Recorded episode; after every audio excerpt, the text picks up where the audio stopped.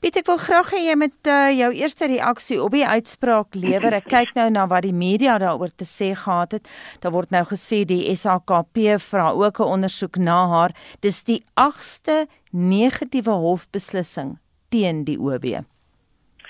Ja, ek lees vanmôre daar's onder andere in die grondwet uh, uh, word daar voorsiening gemaak daarvoor dat die uh, uh, president wanneer daar 'n ondersoek in die parlement uh, deur 'n komitee geloods word uh, teen die openbare beskermer uh dat die president dan ten regte is om haar te skors. Ek sal graag weer 'n voorsoekie daaroor hoor. Maar ek dink dit moet baie onwaarskynlik wees dat dit ooit uitgevoer sal word omdat so baie van hierdie sake 'n uh, konflik tussen die president en die openbare beskermer is en dit kan lyk asof hy probeer inmeng uh op 'n of ander manier uh, tot sy eie voordeel. So dit sal nie gebeur nie. Uh die ander ding is terwyl ons van konteks praat is wat my interessant is is uh, wat is die konsekwensies van al die hofsaake wat verloor word vir die uh vir die EFF want mm. uh, hulle is waarskynlik op hierdie stadium maar grootste ondersteuners en uh, dit was in hierdie regsprosesse maak hulle groot gewag en ondersteuner. So dit moet uh, nagevolg hê weier is vir net haar kantoor dit ook vir vir vir vir ondersteuners en miskien ook in in in, die staatskapproses vir Jacob Zuma dit dit dit swaar vir 'n kleed van bevlekking trek oor almal uh wat op 'n of ander manier betrek word by die ondermyning van die demokrasie die laaste 9 jaar tydens Jacob Zuma se bestuur. Ek wil vir 'n oomblik stil staan by die EFF. Hoe seer gaan dit hulle maak? Want die EFF lyk amper as jy dis dis ek onmoontlik om hulle enigstens seer te maak. Ek dink mense moet uh dalk dieper delf van die in in, in die EFF se steenbasis en hoe hulle die volgende verkiesing moet kan vaar en so voort. Maar hulle het nou by 'n punt gekom waar elke uitspraak van hulle is is is 'n grens aan onredelik uh, dit grens aan ondermyning dit asof daar geen konstruktiewe gesprek meer uit die EFF uitkom nie en uh, mens wonder baie keer wat presies hoe sien die die die die die die die, party hulle toekoms in Suid-Afrika uh want op hierdie stadium blyk dit asof hulle teen iets veg en die dit skep die indruk dat uh hulle geveg ten gunste van die openbare beskermer en teen uh, Bobbing Gordon het meer te doen die korrupsie waarby hulle betrokke is. Ek het net gister weer met 'n dorpsraad het gepraat hier ergens in die noorde van die land. Dit is ongelooflik die hoeveelheid korrupsie waarby die EFF betrokke is op plaaslike regeringsvlak, op provinsiale regeringsvlak uh, en selfs hier in Johannesburg en Pretoria. Hulle self inwortel op 'n of ander manier uh, toegang tot tenders kry, toegang tot staatsgeld kry ten spyte van die feit dat hulle nie die regerende party is nie. In die verlede mense altyd gedink dat jy moet minstens 'n lid van die ANC wees om op 'n manier toegang tot die staatskas te kry, toegang tot tenders te kry. Wel, hulle het baie duidelik bewys daarvan dit is nie nodig nie. So die EFF het nou 'n party geword. Eers wat hulle bepaalde agenda, sien maar van radikale ekonomiese transformasie of die nasionalisering van grond en so voort, waarvoor hulle aanvanklik vir baie lank bekend gestaan het. Is hulle nou die identiteit van 'n party wat besig om te veg om hulle eie korrupsie in die verlede toe te smeer. Piet, wat is die implikasies vir die binnengevegte? Wel ek as jy as jy mooi luister as jy hoor jy hoor dit nooit meer van ysmagasjoelings as hy verskriklik stil geword het. Mm. Puli Mabe wat die storie Puli Mabe is wat meestal die spreekbuise wat hy te toelys het praat. Jy kan agterkom dis asof hy penduleer tussen die die Ramaphosa kamp en die ysmagasjoeling kamp wat hy in, tot onlangs toe was hy 'n groot mate nog deel van die magasjoeling tipe van faksie geweest.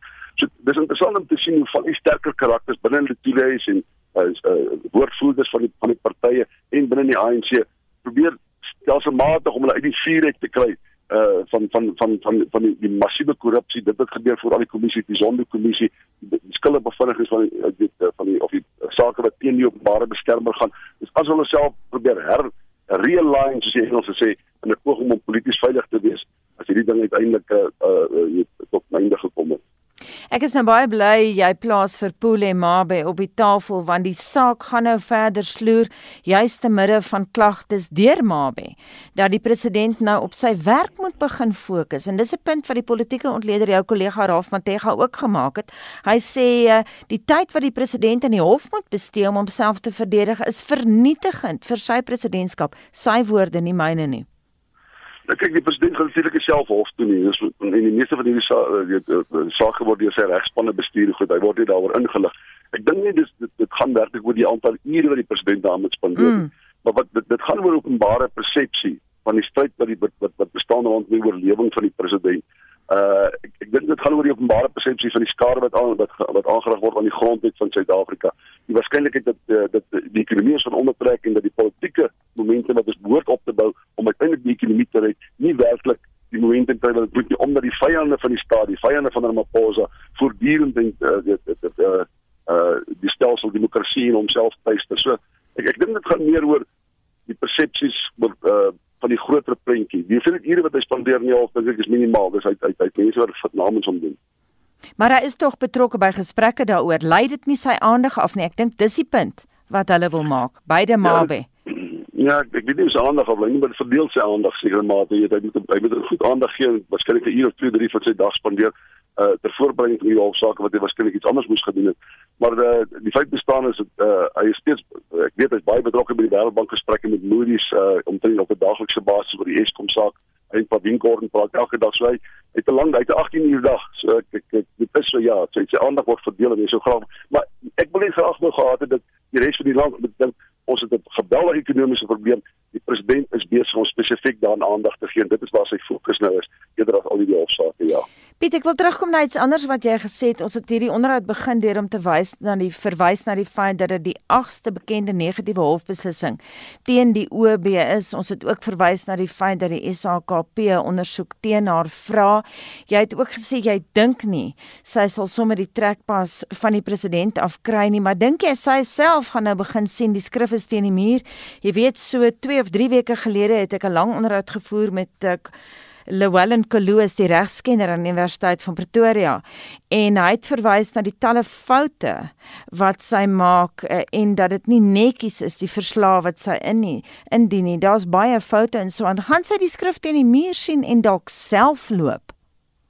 Ek jy weet nie goed wat Pierre de Vos nou in die se uitspraak gesê het is dat uh, wel in in vorige uitspraak is gesê dat sy waarskynlik 'n kriminele oortreding begaan het want dit is teen die wet. Daar word spesifiek voorsiening daarvoor gemaak in die wet dat dit 'n kriminele uh, daad is indien jy probeer om die openbare beskermer ag of enige staatsinstansie soos byvoorbeeld die die die die die die, die uh, nasionale vervolgingsgesag te probeer beïnvloed in die uitvoering van hulle pligte is dit 'n kriminele saak.